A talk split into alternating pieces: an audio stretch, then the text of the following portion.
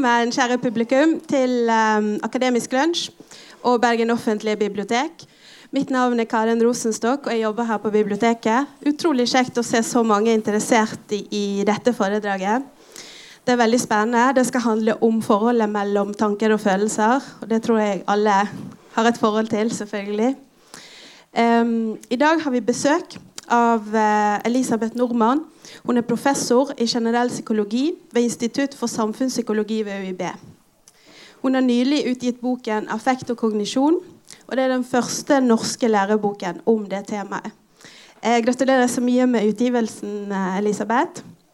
Eh, velkommen til oss på biblioteket. Og tusen takk for at du ville komme til oss eh, i dag. Tusen takk. Jeg gir henne en stor, stor applaus.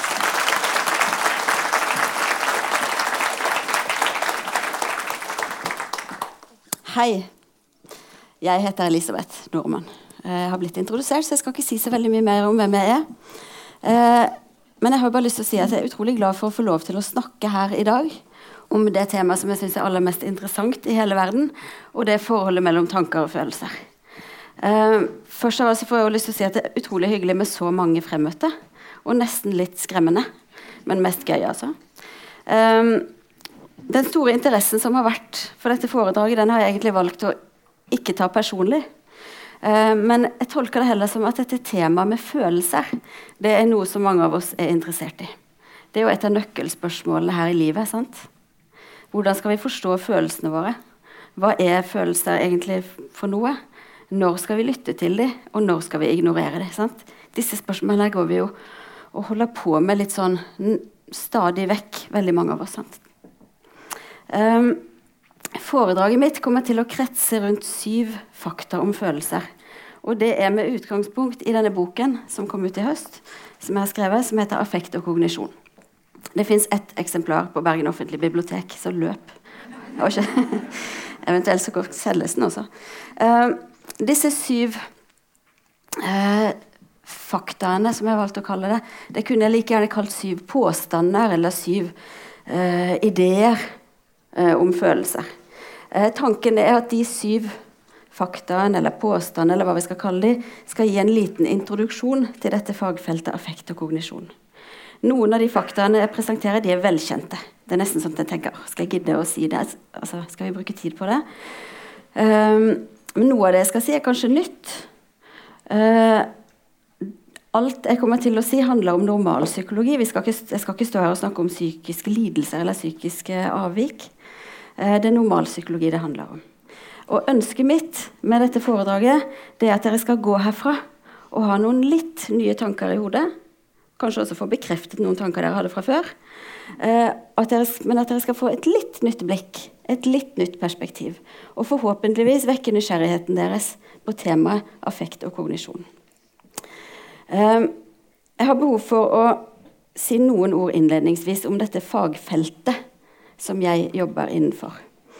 Eh, fagfeltet heter affekt og kognisjon. Sant? Og Der er vi opptatt av to hovedspørsmål, egentlig.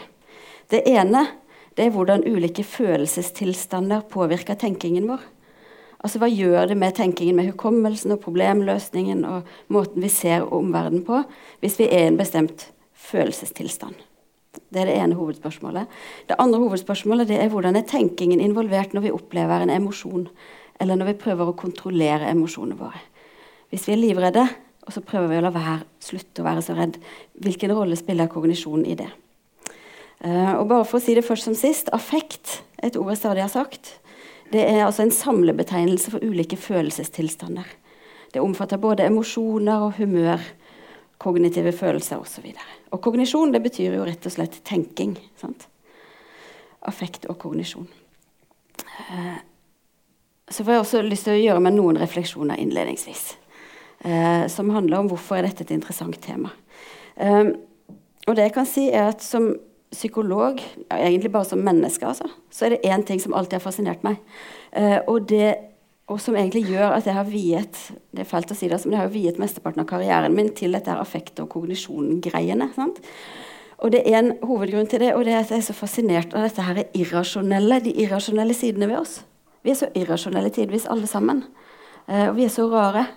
Og vi tar så mange underlige beslutninger. Og vi er av og til så uforutsigbare.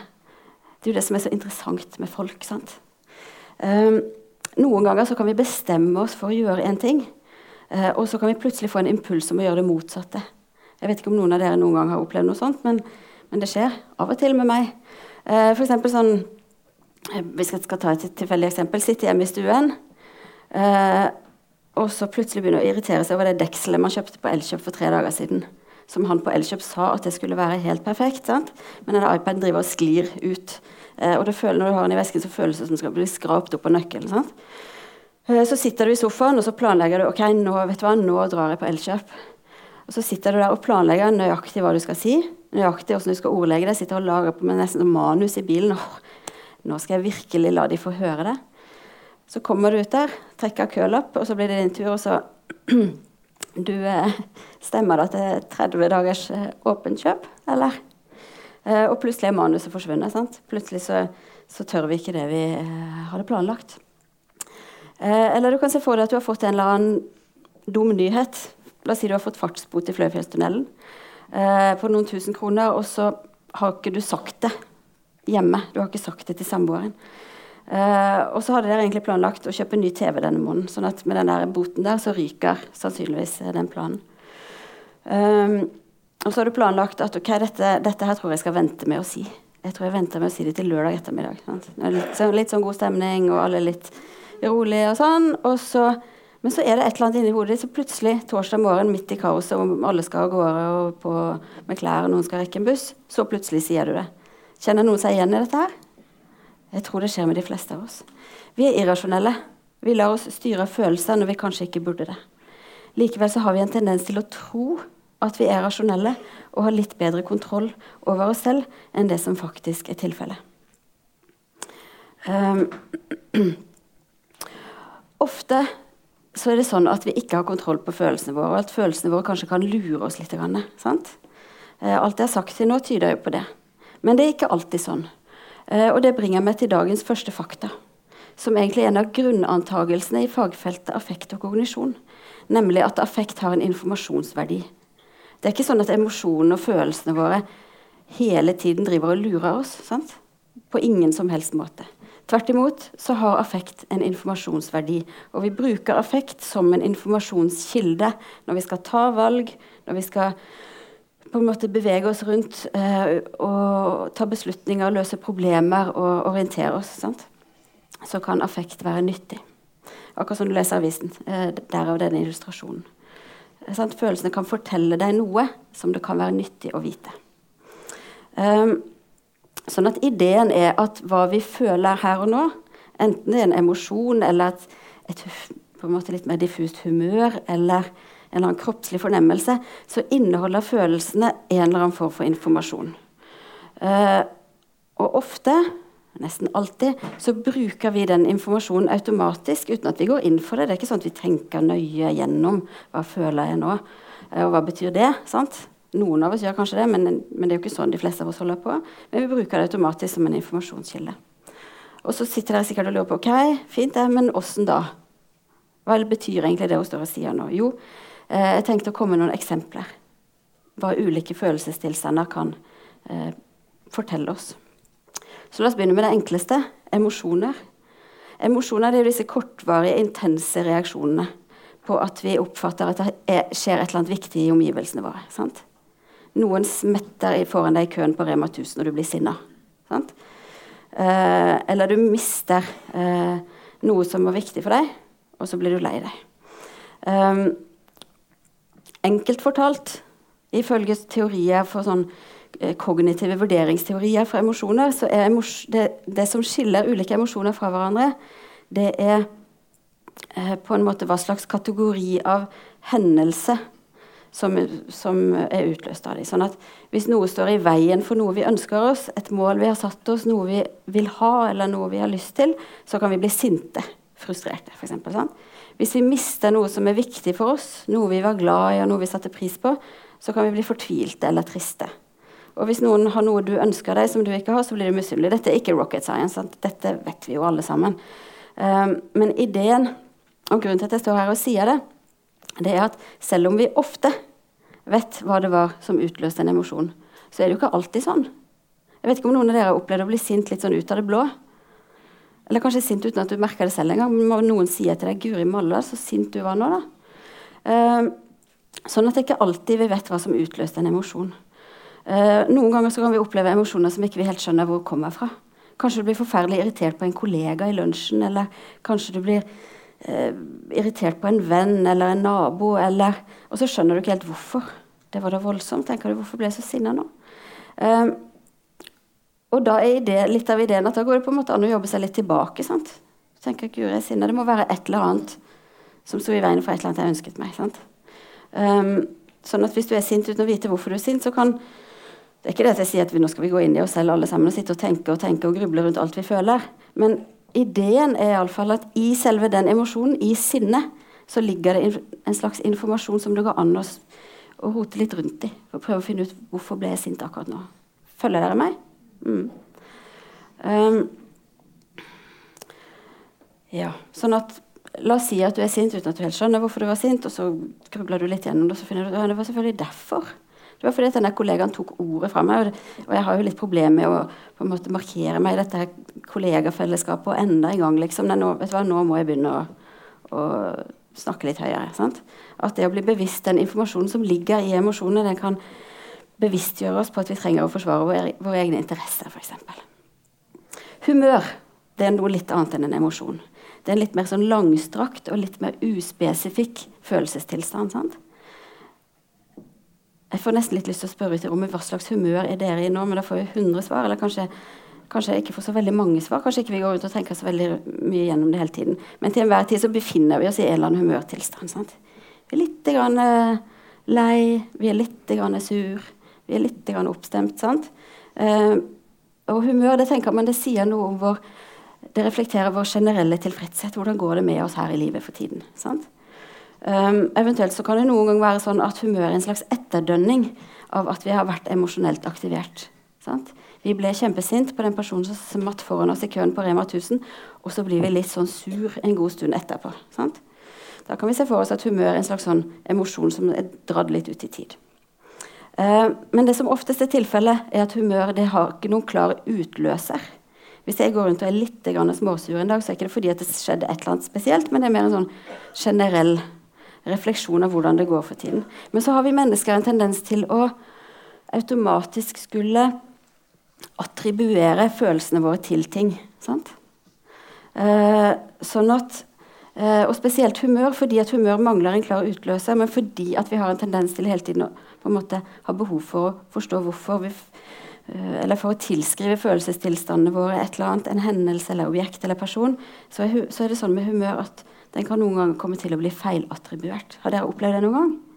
At man går rundt og er sur, og så skal man ta stilling til et eller annet. Hva syns du om den nye naboen, eller hva syns du om denne boken, eller Og så tenker du nei, vet du hva, det der eh, likte jeg ikke i det hele tatt. Eh, men så er det kanskje egentlig din egen humørtilstand som smitter over på vurderingen din. Eh, og jeg vet ikke hvor mange av dere som, som, har opplevd når dere er på visning, hvis dere skal kjøpe leilighet eller leie leilighet, sant? så kommer man på visningen hvis man er litt sånn sulten og litt trøtt og litt sliten og har en litt tung veske, uh, og så går på visning, og det er kanskje litt dårlig vær i tillegg, så kan det fort bli sånn at man kanskje ikke syns leiligheten var fullt så fin som hvis man kommer der når man er uthvilt, eh, mett eh, må ikke på do eller noe som helst.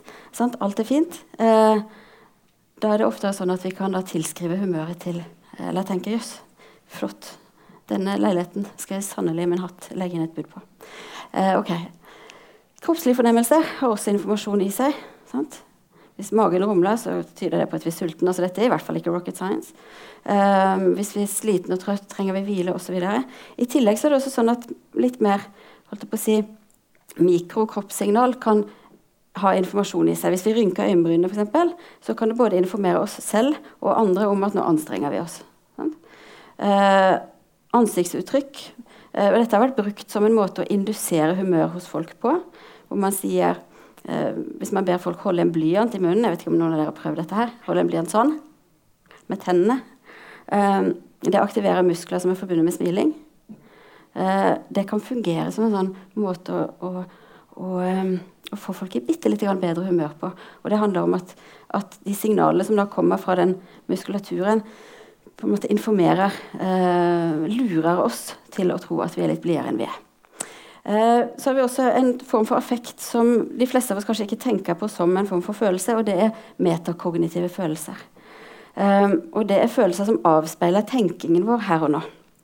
Eh, F.eks. Hvis, hvis jeg gir dere en oppgave, og så skal dere ta stilling til det, hvor sikker er du på at det du svarte på den oppgaven, var riktig? Sant? Den følelsen kan vi ha Sånne følelser kan vi ha massevis av på eksamen. Eksempel. Guri, var det riktig det jeg skrev nå? Så kan vi ha en god eller dårlig følelse til det. Vi har følelse for læring i en læringssituasjon. og det skal jeg komme tilbake til, Så kan vi ha en følelse av at ja, vet du hva, nå fikk jeg, dette her fikk jeg med meg. Eller vi kan sitte der og tenke Guri malla, jeg fikk ikke med meg noe. Sant? Eller jeg fikk med meg litt, men kanskje ikke det der. Følelse av å forstå en tekst det er også en metakognitiv følelse. Uh, ja, og det, sånn at Metakognitive følelser kan informere oss om vår pågående tenkning. Hvordan står det til? Sant? Går dette greit? Klarer jeg, Forstår jeg denne boken jeg holder på med nå? Så oppsummeringen så langt, hvis foredraget mitt skulle stoppet her, det kunne vært eh, at ok, affekt har en informasjonsverdi. Vi bruker affekt som en informasjonskilde. Ergo så er det alltid lurt å lytte til følelsene sine. Eh, men det er jo ikke alltid sånn. Noen ganger så kan magefølelse og andre følelser lede oss på ville veier. Sant? Det kan f.eks. skje sånn som jeg sa i sted, hvis man feiltolker årsaken til humøret sitt. Eh, humøret vårt vil sjelden oppstå på, som en direkte reaksjon på én hendelse.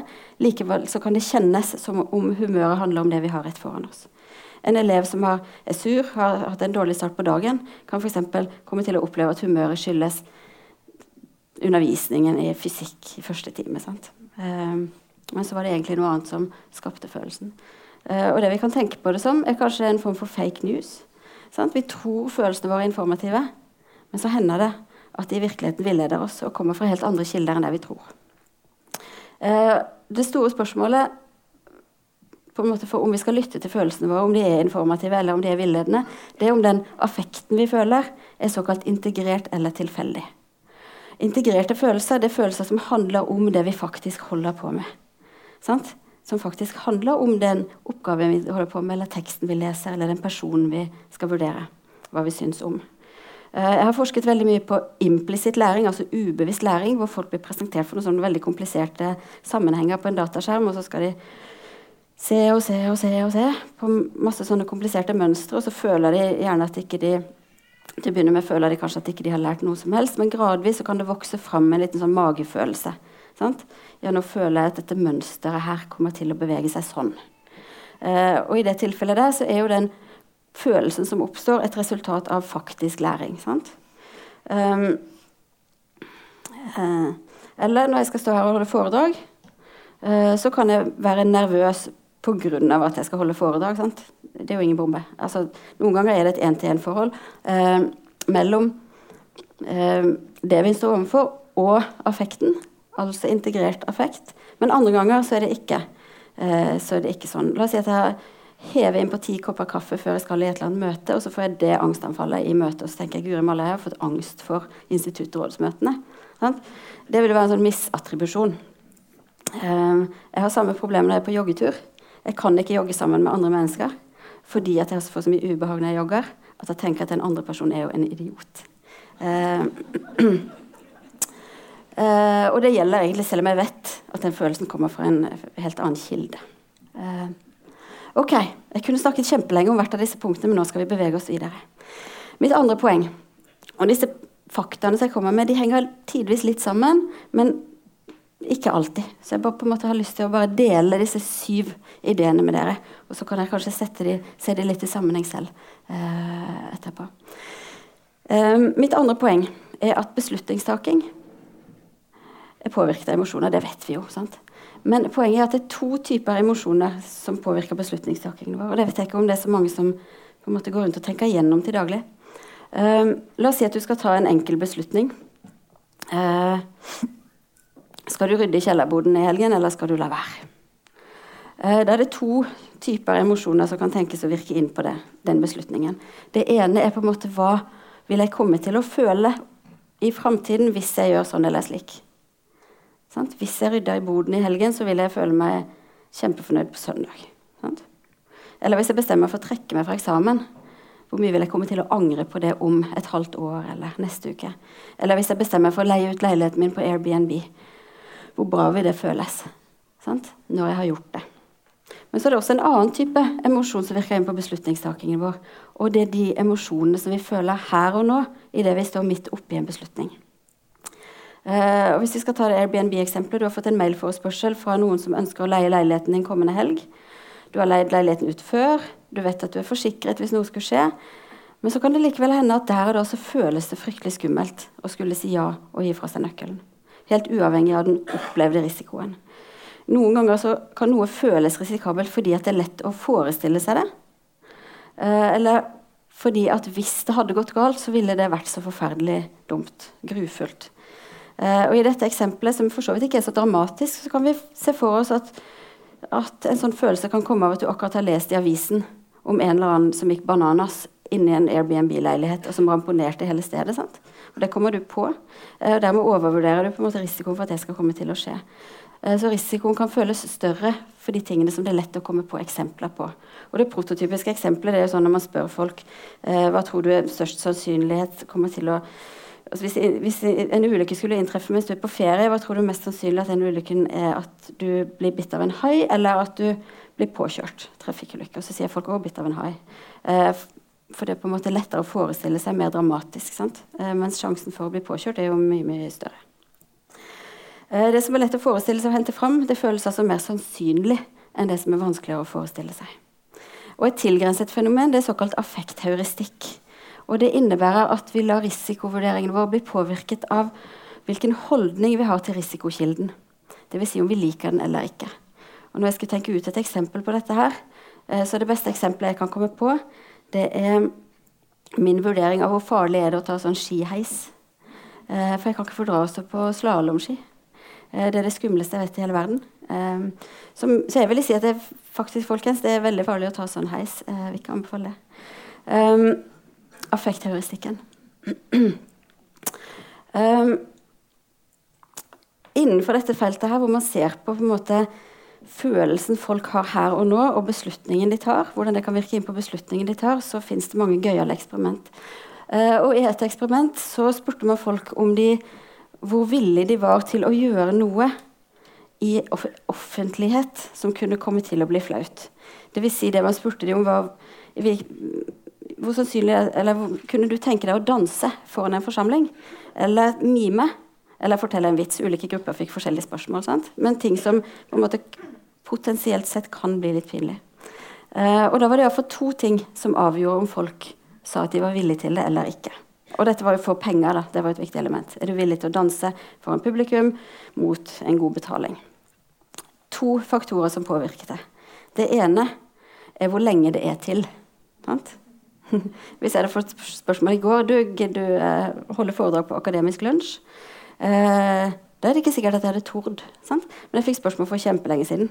Eh, sånn at eh, ja, Hvorvidt vi sier ja eller nei til noe, det kommer også an på hvordan vi føler oss der og da, hvor lenge det er til. Um, en annen ting som virket inn, det var hvordan folk følte seg der og da. Og da hadde man ulike grupper av deltakere som enten var blitt fysisk aktivert, man hadde de hadde akkurat trent i 20 minutter, tror jeg det var. Sant? Så de var fysisk aktivert. Hjertebank og svett og hele pakken. På samme måte som man blir aktivert når man er nervøs. Eh, og den gruppen var også mindre villig til å, å forplikte seg til å skulle danse foran en forsamling. For eksempel, på et senere tidspunkt. Eh, sånn at dette var ment som en illustrasjon på egentlig samspillet mellom følelsene våre her og nå, og det vi på en måte tror om våre egne følelser inn i framtiden. Hvis du blir spurt om du kunne tenke deg å fortelle en vits for en forsamling om ett år, så kan det hende at du vil tenke at det, det er jo litt gøy. Eh, men hvis det liksom er noen som har lyst til å komme opp her nå og fortelle en vits, eh, så kan det hende at det ikke, ikke oppleves like gøy. Sant? For vi påvirker følelsene vi får i det vi får det spørsmålet. Følger dere meg? Ja, så fint. Um, så tenkte jeg å snakke litt om emosjonell værvarsling. og det er egentlig fortsettelsen av det jeg akkurat snakket om. For jeg snakket om at Det er to forskjellige typer emosjoner som påvirker beslutningene våre. Det ene er hva vi føler her og nå. Det andre er hva vi tror vi vil komme til å føle i fremtiden hvis sånn og sånn skulle skje. Uh, og I litteraturen så kalles det for affective forecasting. Derav uh, min oversettelse, og derav bildet av gode, gamle Vidar Theisen. Emosjonell værvarsling. Har ikke noe med vær å gjøre. Men, uh, men, vi blir alltid litt glad av å se han. Uh, emosjonell værvarsling det holder vi på med nesten hele tiden uten å tenke over det. Det kan handle om så banale ting som hvor mett og fornøyd tror du at du vil føle deg om ti minutter hvis du velger å sette til livs en grillpølse fra bensinstasjonen? Sant? Hvor godt vil det være? Eller det kan handle om hvor lenge vi tror en kjærlighetssorg kommer til å vare. Eller hvor lenge vi, vi tror at vi vil føle oss skuffet hvis vi får avslag på en søknad. Eller det kan handle om hvor gøy vi tror en ferie vil komme til å bli. Og De fleste av oss er ganske flinke til å forutsi hva vi vil komme til å føle. sant? Vi vet at hvis vi mister jobben, så kommer vi til å bli skuffet. Vi vet at hvis vi får lønnsopprykk, så blir vi glad. Eh, men vi er mindre flinke til å forutsi hvor intenst vi vil komme til å føle det hvis sånn og sånn skulle skje, og hvor lenge følelsen vil vare. Eh, og det klassiske forskningsfunnet det viser at folk har en tendens til å overvurdere hvor glad de ville blitt, og hvor lenge de ville fortsatt å være glad hvis de vant i Lotto. De overvurderer også hvor deprimert de ville blitt hvis de havnet i rullestol. Et år etterpå er to grupper av mennesker som har opplevd de to typene hendelser, forbløffende like med hensyn til hvordan de rangerer livskvalitet og generell velvære. Og En av grunnene til at vi stadig bommer på dette her, vi overdriver hvor lenge noe vil, hvor intenst noe vil føles, og hvor lenge vi vil føle det sånn, det er at vi glemmer ofte å ta i betraktning at vi har et såkalt psykologisk immunforsvar. Når noe uventet eller uønsket skjer med oss, Enten det er at vi stryker til eksamen eller får fartsbot eller blir sviktet av en venn, så har vi mekanismer for å håndtere det, men det tenker vi ikke alltid over. For noen år siden gjorde jeg sammen med noen bachelorstudenter i generell psykologi en studie av ungdommer som skulle ta førerprøven. Eh, rett før oppkjøringen så sto studentene mine ute i Fyllingsdalen eh, og spurte disse stakkars kjøreelevene hvor glad vil du bli hvis du står, hvor skuffet vil du bli hvis du stryker. Um, det var en logistisk vanskelig studie og sikkert litt ubehagelig for dere. Vi fikk lov til å gjennomføre den også, NSD. Uh, og så spurte vi i tillegg til hvor glad vil du bli hvis, og hvor lei deg vil du bli hvis, så spurte vi ok, hva tror du sannsynligheten er for at du kommer til å stå på førerprøven nå i dag. Uh, og så ringte vi to uker seinere og spurte du, åssen gikk det. Uh, hvor glad eller lei deg føler du deg nå? og som forventet så fant vi at de som hadde bestått, de følte seg litt mindre glad to uker seinere enn det de på forhånd trodde at de kom til å bli. Og de som hadde strøket, de var egentlig litt mindre lei seg enn det de hadde fryktet at de kom til å bli. Ikke så veldig overraskende. Men vi fant noe annet interessant. Nemlig at på tidspunkt to, altså etter to uker, så spurte vi deltakerne igjen. Du, husker du at for to uker siden så spurte vi deg hvor sannsynlig er det at du kommer til å stå på førerprøven? Eh, og så ba vi de svare på det spørsmålet en gang til. Du Husker du hvor sannsynlig du trodde at det var? Og gjett hva som skjedde da? Jo, da hadde folk jevnt over oppjustert sannsynligheten for de som hadde strøket, vel å merke, de som hadde strøket, de hadde oppjustert sannsynlighetsvurderingen sin eh, når det gjaldt å stryke. Sånn at en person som f.eks. før oppkjøringen hadde sagt jeg tror det er 10 sjanse for at jeg stryker, hadde oppjustert den til 30 sant? Jeg var jo ikke så overrasket over jeg strøk. Um, og her er det akkurat som en sånn kognitiv mekanisme, en slags sånn forsvarsmekanisme. Hjelper følelsene våre på rett vei. Hjelper oss til å bli mindre skuffet. For, um, inn i en slags selvbeskyttelse eller selvbedrag. alt dette, hvordan du velger å tenke på det. Et annet eksempel på hvordan vi feilvurderer våre egne følelser, det kommer fra turistpsykologien. De fleste av oss har jo det med å tenke at vi blir ganske glad av å reise på ferie. sant? Det er gøy å reise på ferie, det er ikke det? Jo. Men nå skal jeg fortelle deg en litt trist hemmelighet. Det er ikke nødvendigvis fordi at vi er så veldig glade mens vi er på ferie. Eh, turistforskere har funnet ut at gleden knyttet til å reise på ferie eh, er først og fremst noe vi finner før folk drar. Altså når de gleder seg. åh, det skal bli deilig. kom til Syden.' Eh, da er vi ganske glade. Og når vi tenker tilbake på ferien etterpå, eh, så har vi det med å tenke at den ferien var veldig gøy. Men så er det gjort studier hvor folk går rundt med sånn beeper i lommen. Som med ujevne mellomrom sier pip, og så må du si 'hvor glad føler du deg' på en skala fra ditten til datten. Eh, og da finner vi altså at folk som er på ferie, de er ikke spesielt glad. Det er en sånn, det er en sånn uformet kurve. Sant? Hvor det absolutte bunnpunktet det er selve ferien. eh, og En grunn til at vi ikke alltid er så flinke til å predikere vår egen lykkefølelse så veldig godt, det er at såkalt misconstrual, at hendelsen som vi forestiller oss, ikke blir akkurat sånn som vi har sett for oss. Når vi tenker på at vi skal til Syden, så, sånn, så tenker vi gjerne litt sånn som dette her. sant? Vi ser for oss at det skal bli deilig å ligge på stranden eller ved bassenget. Åh, å, det skal bli fint å rusle inn til byen hver kveld og spise på restaurant. sant? Uh, men så tar vi kanskje ikke høyde for hvor forskjellig virkeligheten kan bli fra hva vi går rundt og tenker og tror. Uh, uh, det, kan, det, er ikke alt vi vet på forhånd. Sant? Og vi overvurderer kanskje vår egen evne til å se for oss hvordan ting blir. Og vi har vel alle mange flotte eksempler vi kan ta når det gjelder en ferie som ikke ble helt som den skulle. Sant? Kanskje ungene våknet halv fem om morgenen, eller kanskje de kranglet om hvem som skulle se på hvilken kanal på TV, eller hvem som skal ligge hvor. Kanskje gjestene på naborommet bråka til langt på natt. Kanskje været er stygt. Altså, det kanskje er mange, mange dumme ting. Eh, kanskje man må stå opp klokken seks hver morgen for i det hele tatt å tenke tanken om å få en plass ved bassenget eller stranden. Kanskje det er litt mer sånn som dette her. sant? Um, og hvis det var dette du hadde sett for deg, sant? så hadde du kanskje ikke predikert at du kom til å bli så fryktelig lykkelig på den ferien. Uh, men vi ser for oss noe annet enn det som skjer. Uh, en annen mulig årsak til at vi overdriver intensiteten og varigheten av våre fremtidige følelser, det er såkalt fokalisme. Det vil si at når vi ser for oss hvor mye en enkelthendelse vil påvirke følelsene våre på et bestemt tidspunkt i fremtiden, sant? så har vi en tendens til å fokusere altfor mye på den ene hendelsen. Sant? La oss si at du får A på eksamen, eller du får tilslag på den leiligheten du har lagt inn bud på, drømmeleiligheten. Men så er det nå engang sånn at livet er mer enn én karakter i ett emne. Sant? Livet består jo egentlig av ganske mange forskjellige ting som virker inn på lykkenivået vårt. Eh, og på samme måte eh, mennesker gjør andre ting enn å bo i en leilighet. Sant? Så selv om du får tilsagn og yes, nå fikk jeg drømmeleiligheten, så er det ikke dermed sagt at alt annet i livet er irrelevant for hvor lykkelig du føler deg. Men det har vi en tendens til å glemme. Um, Ok. Um, hvordan noe ser ut for oss, det kommer an på perspektivet. Sant? Hvor vi ser det fra. Sånn er det selvfølgelig med synet. Jo nærmere vi ser noe, jo mer finkornet ser vi det. Sant? Uh, men sånn er det også uh, når det gjelder psykologisk avstand. Innenfor psykologien så snakker vi om psykologisk avstand som hvor nær eller langt unna noe eller noen føles. Og det kommer an på flere faktorer. For det første kommer det an på den geografiske avstanden om noe er langt vekke fysisk, eller om det er nær oss.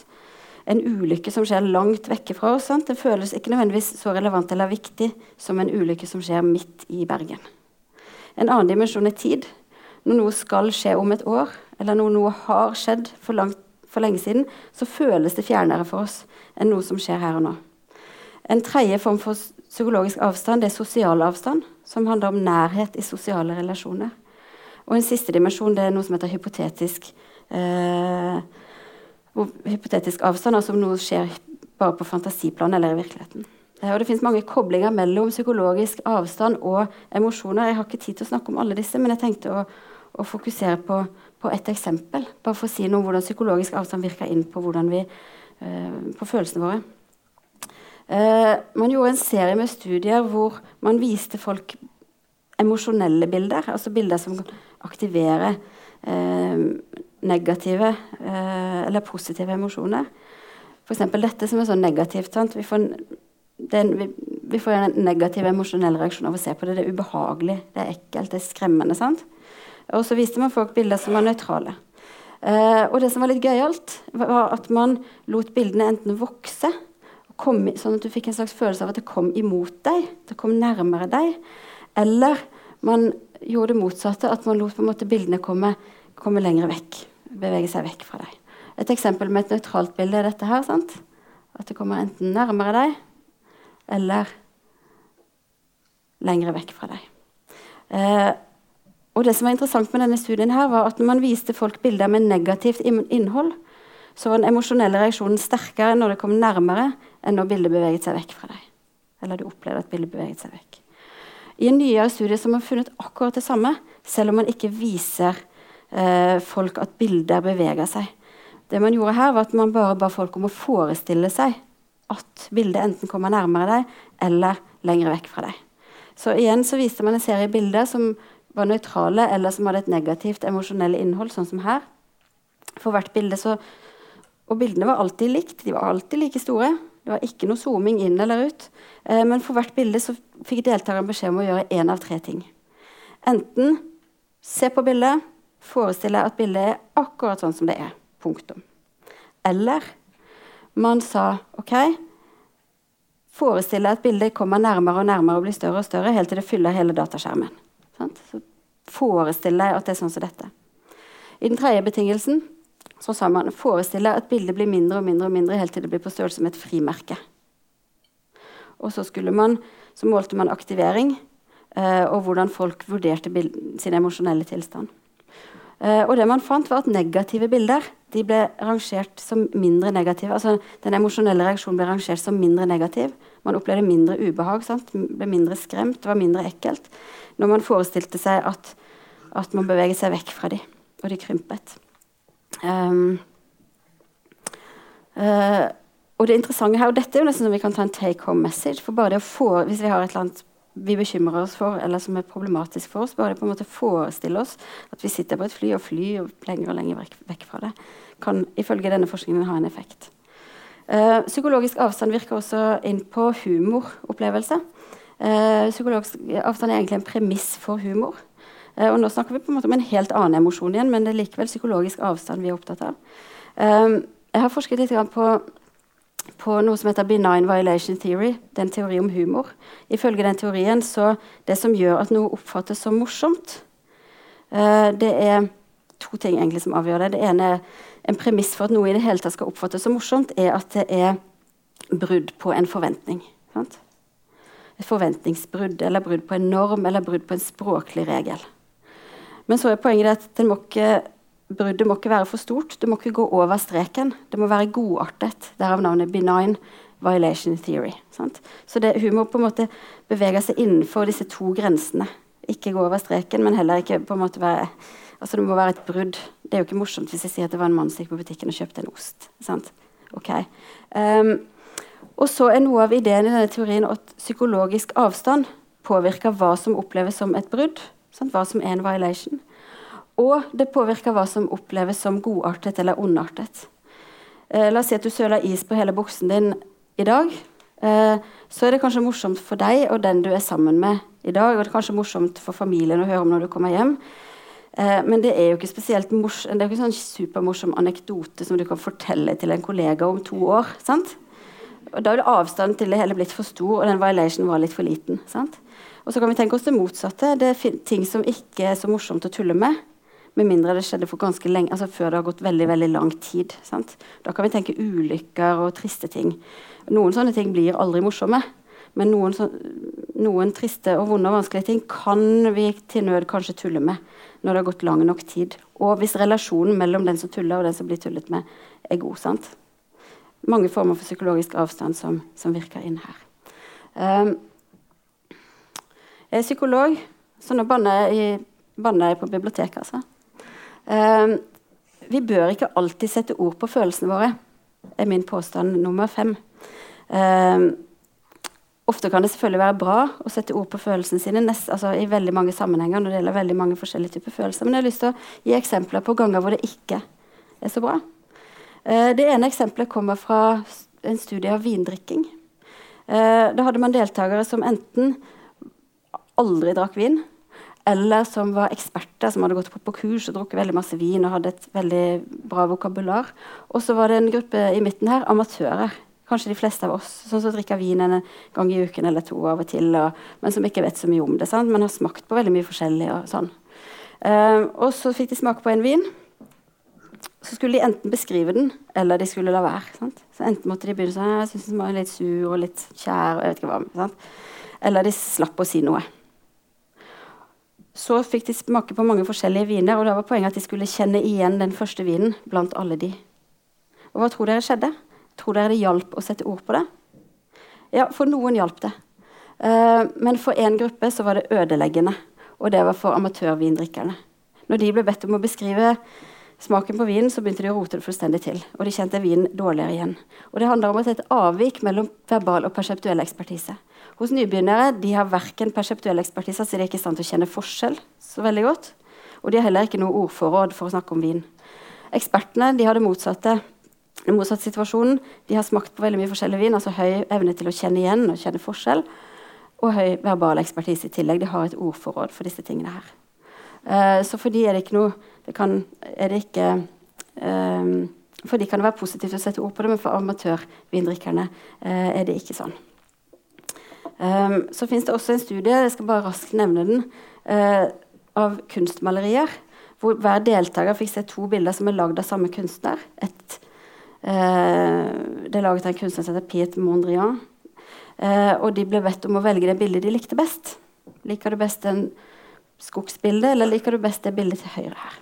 Woods near Oele heter det til venstre, og New York City heter det til høyre. Uh, det var bare én ting som, som uh, skilte ulike grupper av deltakere fra hverandre, og det var hvorvidt de ble bedt om å oppgi en grunn. Sant?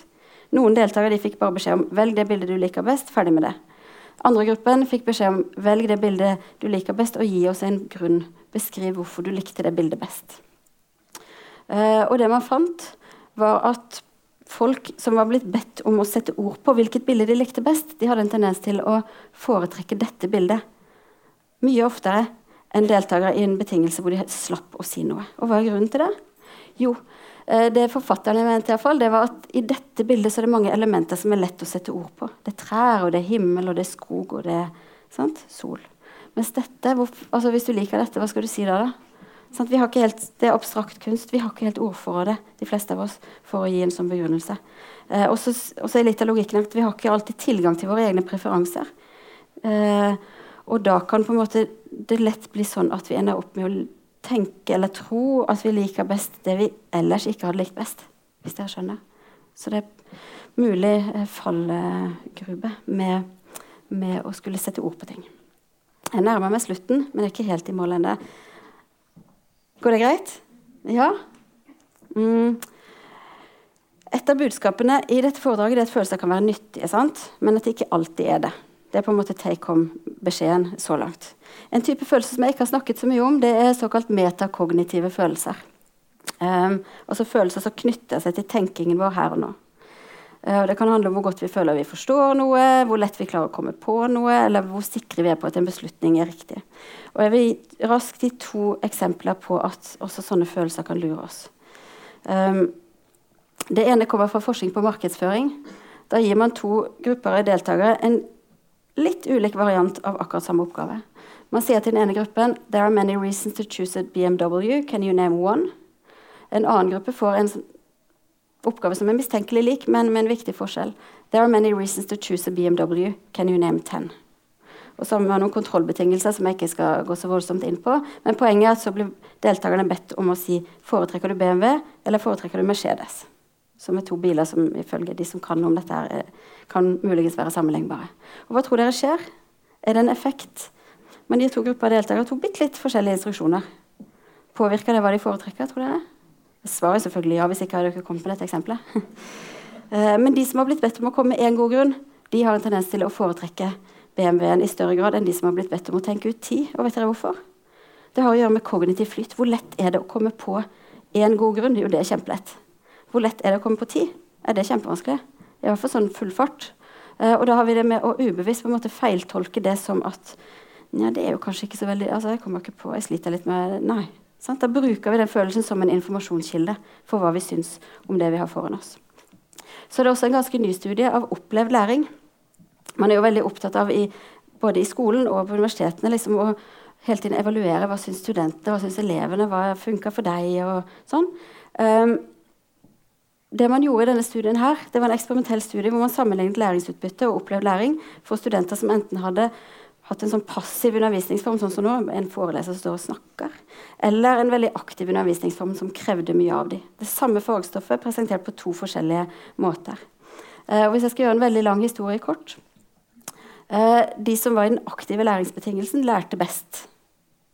Men de opplevde det mer som et slit. altså det å holde på med sånn aktiv læring, du må på en måte hente fram Altså, Du må jobbe, du må gjøre ting, du må streve litt. Eh, på alle målene som handlet om opplevd læring, så skåret den aktive læringen så skåret de lavere på den aktive læringen. Sant?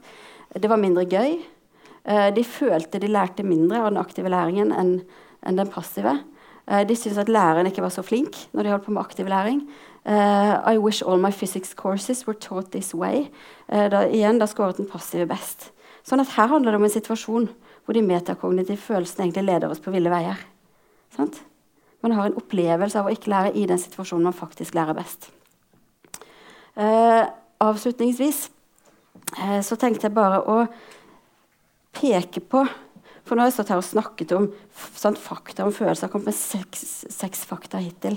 Eh, Og så har jeg lyst til å åpne opp litt og si at det er utrolig store individuelle forskjeller. Det er kulturelle forskjeller. Jeg står her og snakker om emosjoner som om det er opplest og vedtatt hva en emosjon er.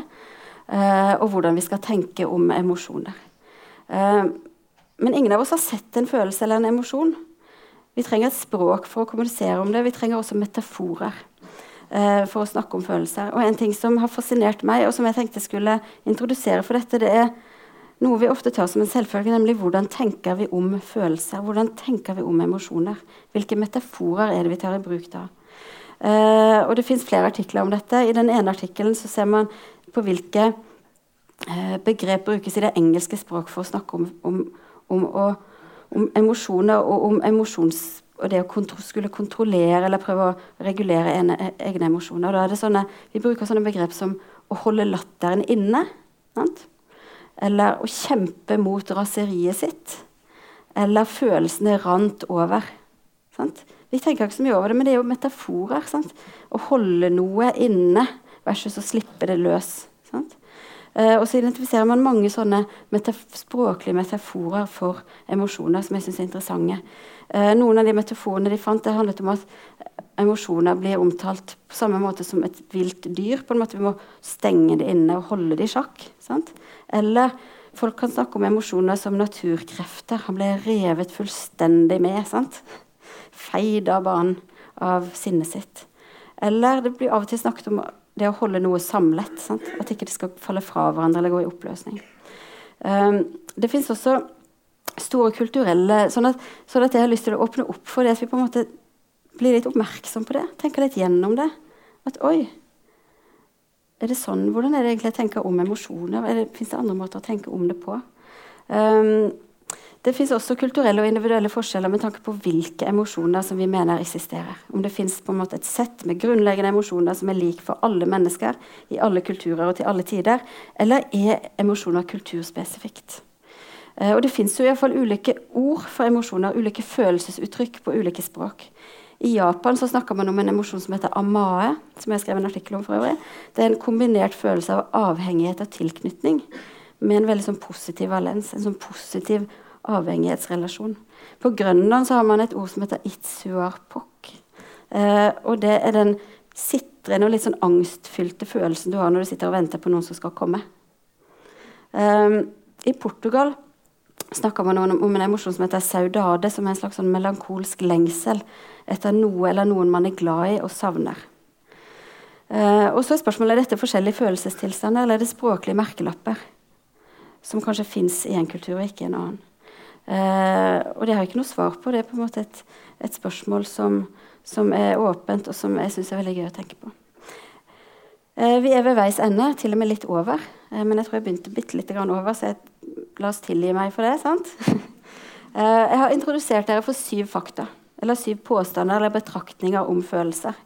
Og som jeg sa innledningsvis, Mitt mål med denne forelesningen det er at dere skulle gå herfra og ha noen litt nye tanker, noen litt nye perspektiv, og forhåpentligvis vekke en nysgjerrighet hos dere når det gjelder fagfeltet affekt og kognisjon.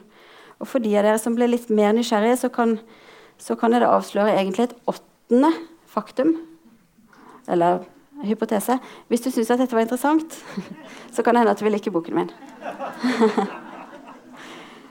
Tusen takk for meg.